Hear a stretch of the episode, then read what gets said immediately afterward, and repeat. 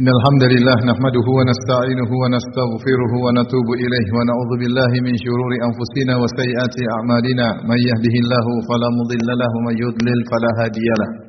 وأشهد أن لا إله إلا الله وحده لا شريك له. وأشهد أن محمدا عبده ورسوله لا نبي بعده. يا أيها الذين آمنوا اتقوا الله حق تقاته ولا تموتن إلا وأنتم مسلمون. فإن أصدق الحديث كتاب الله وخير الهدى هدى محمد صلى الله عليه وسلم. وشر الأمور محدثاتها وكل محدثة بدعة وكل بدعة ضلالة وكل ضلالة في النار معاشر المسلمين أوصيكم ونفسي بتقوى الله فقد فاز المتقون Sungguhnya Allah Subhanahu wa taala telah menjelaskan dalam Al-Qur'an bahwasanya musibah-musibah yang menimpa seorang hamba adalah dampak dari dosa-dosa yang dilakukannya. Kata Allah Subhanahu wa taala, "Wa ma asabaka min sayyi'atin famin nafsik." Apa pun keburukan yang menimpamu adalah dari dirimu sendiri. Qul huwa min indi anfusikum. Katakanlah itu semua dari diri kalian. Ma asaba min musibatin fabima kasabat aydikum wa ya'fu an katsir. Tidak ada musibah yang menimpa kalian, musibah apa pun kecuali akibat ulah tangan kalian sendiri. Ini semua menunjukkan bahwasanya maksiat berdampak menimbulkan keburukan dan dan musibah yang menimpa pelakunya. Berikut ini saya akan menyampaikan dampak-dampak maksiat yang mungkin tidak dipikirkan oleh kita ya. Meskipun tentunya dampak maksiat sangat banyak. Di antara dampak-dampak maksiat dijelaskan oleh para ulama, jika seorang terjerumus dalam maksiat, maka maksiat tersebut tunadi ukhtaha, dia akan memanggil saudari-saudarinya maksiat-maksiat yang lain agar ikut mengenai lelaki tersebut atau pelaku maksiat tersebut. Oleh karenanya kata Allah Subhanahu wa taala, "Wa may yaqtarif hasanatan nazid lahu fiha husna." Kata Allah Subhanahu wa taala, siapa yang berbuat kebaikan, maka kami akan tambahkan kebaikan baginya. Mafhum mukhalafahnya kebalikannya siapa yang melakukan maksiat, maka dia akan terjerumus dalam maksiat-maksiat yang lain. Allah berfirman, "Falamma zagu azagallahu qulubahum." Tatkala mereka menyimpang, maka Allah menyimpangkan lagi hati mereka. Jika seorang sudah terjerumus dalam kubangan maksiat dan dia bergelimang dengan kemaksiatan, maka biasanya dia tidak hanya cukup pada satu maksiat saja. Maka dia akhirnya akan terkait, terkotori dengan maksiat-maksiat yang lain. Karena maksiat yang dia lakukan akan memanggil teman-temannya maksiat-maksiat yang lain agar berkumpul bersatu pada lelaki tersebut atau pada pelaku maksiat tersebut. Ini yang terjadi. Betapa banyak orang melakukan maksiat dari satu maksiat kemudian menggiring dia kepada maksiat berikutnya, kepada maksiat berikutnya, kepada maksiat berikutnya. Lihatlah kemaksiatan misalnya musik-musikan dan nyanyian-nyanyian. Betapa banyak kita lihat kenyataan seorang penyanyi, pemusik akhirnya terjerumus pada maksiat yang lain. Minum khamar misalnya. Tidak sampai di situ. Terjerumus pada maksiat yang lain lagi, misalnya narkoba. Tidak cukup di situ. Bersambung pada maksiat yang lain lagi, misalnya zina dan selingkuh dan seterusnya. Maksiat memanggil maksiat-maksiat yang lain untuk datang bergabung bersamanya. Ini adalah dampak maksiat yang sangat buruk. Jika seorang tidak bertobat kepada Allah dengan tobat yang benar, tidak keluar dari kubangan maksiat tersebut, maka kotoran-kotoran maksiat yang beraneka ragam akan menerpanya. Di antara dampak maksiat, bahwasanya seorang yang bermaksiat akan dicabut kebahagiaan dari hatinya. Dia berusaha mencari kelezatan. Dia sangka dengan kelezatan maksiat tersebut dia akan meraih kebahagiaan. Namun kenyataannya kebahagiaan justru dicabut oleh Allah dari hatinya. Seorang yang berzina, dia merasa dengan berzina, gonta-ganti pasangan dia akan bahagia. Namun ternyata tidak. Semakin dia berzina, dia semakin tidak bahagia. Sehingga dia harus mencari yang lain, mencari yang lain, mencari yang lain. Tidak ada kepuasan Allah berikan kepadanya. Sampai akhirnya dia terjerumus dalam praktek-praktek hubungan intim yang nyeleneh atau yang salah, ya, yang menyimpang dan dia tidak akan pernah mendapatkan kebahagiaan. Sementara seseorang yang mungkin hidup di perkampungan, menikah dengan nikah yang syar'i, memiliki istri yang mungkin biasa-biasa saja, namun dia merasakan kebahagiaan. Kenapa? Karena dia menjalankan atau menyalurkan syahwatnya dengan cara yang benar. Adapun orang yang menyalurkan syahwatnya dengan cara yang haram, dia tidak akan pernah puas. Kenapa kebahagiaan tersebut dicabut darinya? Demikian juga orang yang misalnya menonton hal-hal yang haram, dia merasa dia akan merasa mendapatkan kebahagiaan dengan menonton hal yang haram. Kenyataannya tidak. Dia akan terjebak dan dia akan mencari dan mencari dan mencari melihat yang lebih parah, yang lebih buruk dan dia tidak akan pernah bahagia karena pelaku maksiat kebahagiaan dicabut dari hatinya. Di antara dampak buruk kemaksiatan, orang melakukan kemaksiatan maka akan dibikin gelisah oleh syaitan. Sehingga ketika dia tidak bermaksiat, dia gelisah. Dan inilah yang, yang syaitan pernah bersumpah di hadapan Allah Subhanahu wa taala. Syaitan berkata, "La uzayyinanna lahum fil ardi wa la ughwiyannahum ajma'in." Ya Rabb, sungguhnya benar-benar aku akan menghiasi maksiat kepada mereka di atas muka bumi. Sebagian al tafsir mengatakan, maka pelaku maksiat dibuat gelisah jika tidak bermaksiat. Maka dia terus mencari maksiat, terus mencari maksiat. Kerjaannya berpindah dari maksiat tersebut ke maksiat berikutnya dan berikutnya. Kalau tidak bermaksiat, dia terus gelisah dan gelisah dan gelisah. Jadi kecanduan dan terjebak dalam perangkap syahwatnya dan nafsunya, perangkap iblis. Waliyadzubillah. Oleh karenanya seorang ketika bermaksiat hendaknya dia bertobat kepada Allah Subhanahu wa taala. Jika tidak maka dia akan terjebak dengan dampak-dampak maksiat yang sangat buruk tersebut. Di antara dampak maksiat Ma'asyaral ikhwah rahimakumullah. Di antara dampak maksiat adalah dicabutnya rasa malu dari pelaku maksiat tersebut. Lihatlah ketika seorang melakukan maksiat, demi sedikit demi sedikit terkikis rasa malunya, terkikis. Mulailah hilang rasa malunya, mulailah hilang rasa malunya sampai akhirnya dia tidak punya malu untuk bermaksiat di hadapan umum. Dia tidak perlu malu lagi. Kenapa? Rasa malunya telah hilang karena ya lumuran dosa maksiat yang telah meliputi hatinya.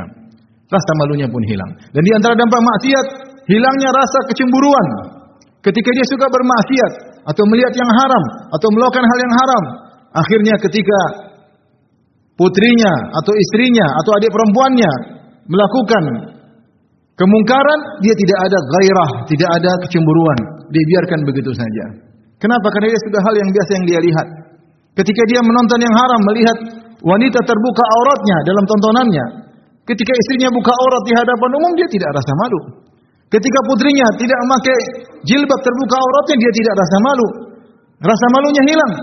Karena dia sudah biasa melihat pemandangan tersebut. Maksiat yang sering dia lakukan. Tidak ada kecemburuan dicabut dari hatinya. Waliyahzubillah. Di antara dampak maksiat, kenikmatan dicabut oleh Allah Subhanahu wa taala darinya. Allah Subhanahu wa taala berfirman, "Wa daraballahu mathalan qaryatan aminatan mutmainnatan kanat aminatan mutmainnatan ya'tiha rizquha ragadan min kulli makan fakafara bi an'amillah fa'adzaqahu Allahu libasal ju'i wal khaufi bima kanu yasnaun." Allah memberi perumpamaan tentang suatu negeri yang negeri tersebut nanti tadinya aman, tentram, datang rizki dari segala sisi dengan rizki yang berlimpah ruah. Fakafara bi an'umillah. Kemudian mereka ingkar, mereka bermaksiat. Maka Allah rasakan bagi negeri tersebut kelaparan, pakaian kelaparan dan pakaian ketakutan akibat ulah perbuatan yang mereka lakukan. Dalam satu hadis kata Rasulullah sallam, "Inna rajula la yuhramu la yuhramu rizqa min adz-dzambi yusibuhu." Sungguh seorang dihalangi dari sebuah rizki oleh Allah Subhanahu wa taala Allah menghalangkan rizki darinya karena dosa yang dia lakukan. Hadis ini meski musanatnya bermasalah tapi maknanya benar. Karena dalam ayat Allah Subhanahu wa taala berfirman, "Wa may yattaqillaha yaj'al lahu makhraja wa yarzuquhu min haitsu la yahtasib." Siapa yang bertakwa kepada Allah, maka Allah akan berikan solusi baginya dan Allah akan berikan rezeki kepadanya dari arah yang dia tidak sangka-sangka. Jika dia bermaksiat, maka rezeki tersebut bisa dicabut oleh Allah Subhanahu wa taala. Rezeki tersebut bisa saja berupa harta, berupa materi dan rezeki tersebut bisa saja kenikmatan-kenikmatan yang lain. Bisa jadi rumah tangganya rusak, bisa jadi anaknya nakal, bisa jadi kebahagiaan dicabut dari hatinya dan berbagai macam rezeki-rezeki Allah cabut darinya gara-gara maksiat yang dia lakukan. Hadza astaghfirullah li wa lakum wa lisal muslimin kulli dhanbin wa khati'ah fastaghfiruhu innahu huwal ghafurur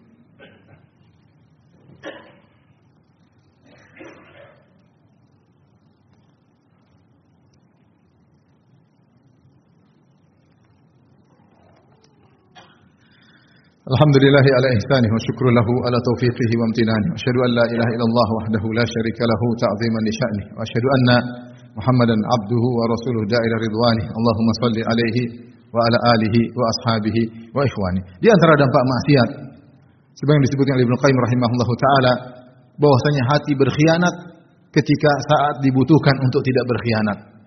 Seperti contohnya ketika seorang sedang sholat. Karena dia terlalu banyak bermaksiat dia ingin khusyuk, hatinya tidak mau. Hatinya berkhianat. Tidak mau. Dia suruh hatinya khusyuk, hatinya tidak mau. Kenapa? Hatinya sudah banyak bermaksiat. Dan lebih berbahaya lagi ketika dia akan meninggal dunia. Tatkala sakaratul maut. Betapa banyak orang ketika sakaratul maut disuruh mengucapkan la ilaha illallah, dia tidak bisa. Ada di antara mereka yang bernyanyi. Ada di antara mereka menyebutkan perkataan-perkataan sedang berjudi. Tidak bisa dia ucapkan la ilaha illallah. Hatinya berkhianat kepadanya di saat-saat dia membutuhkan. Waliyadzubillah. Oleh karena seorang kalau terbiasa dengan maksiat, biasanya itu yang keluar kata kala ruhnya dicabut oleh Allah Subhanahu wa taala.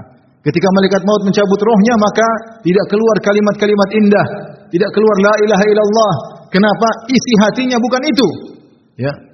Kulu inain bima fihi yandahu. Sebagaimana dikatakan oleh patah Arab, semua namanya ceret yang dikeluarkan adalah isinya.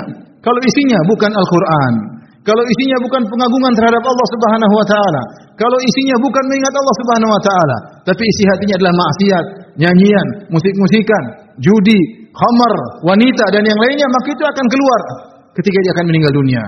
Maka sulit dia mengucapkan la ilaha illallah. Belum lagi dampak maksiat di alam barzakh. Maka datang maksiat dalam bentuk seorang yang sangat buruk rupa, yang sangat busuk baunya, maka sang mayat berkata, "Man anta? Siapa engkau?" Maka orang yang buruk rupa tadi berkata, "Ana amaluka sayyi." Aku adalah amalmu yang buruk selama kau di dunia. Belum lagi dampaknya ketika di padang mahsyar, ketika dia dibangkitkan. Bisa jadi Allah menampakkan maksiat yang biasa dia lakukan, yang mungkin disembunyikan olehnya, maka pada hari itu yaumatu balas sarair, hari di mana rahasia diungkap, maka akan terlihatkanlah keburukannya, maksiatnya di hadapan khalayak. Belum lagi ketika dia di atas sirat, maka akan sulit kakinya untuk melangkahkan kaki menuju surga Allah Subhanahu wa taala. Wal billah. Ma'asyiral muslimin. Ketika seorang melakukan maksiat, kemudian tidak dia merasakan dampaknya, dia merasa nyaman-nyaman saja. Dia merasa rizkinya lancar saja. Dia merasa dia sehat-sehat saja. Dia merasa jabatannya semakin naik. Ketahuilah bahwasanya maksiat pasti ada dampaknya. Walabut kata Ibn Al-Qayyim, pasti ada dampaknya. Meskipun belakangan. Karena maksiat seperti racun yang masuk dalam tubuh. Terkadang dampaknya tidak cepat. Bisa jadi bertahun-tahun. Bisa jadi puluhan tahun. Bisa jadi tatkala dia menjelang meninggalkan dunia ini. Waliyahzubillah. Oleh karenanya Allah Subhanahu wa taala memerintahkan kepada Nabi Muhammad sallallahu alaihi wasallam Allah berfirman Qul inni akhafu in asaitu rabbi adzab yaumin azim. Katakanlah wahai Muhammad, sungguhnya aku takut jika aku bermaksiat kepada Rabbku, aku takut dengan azab yang akan datang di hari yang sangat dahsyat yaitu azab di hari kiamat. Semoga Allah Subhanahu wa taala menjauhkan kita dari maksiat-maksiat kepada Allah Subhanahu wa taala. Dan siapa di antara kita yang masih bermaksiat, semoga dianugerahi taubat kepada Allah Subhanahu wa taala.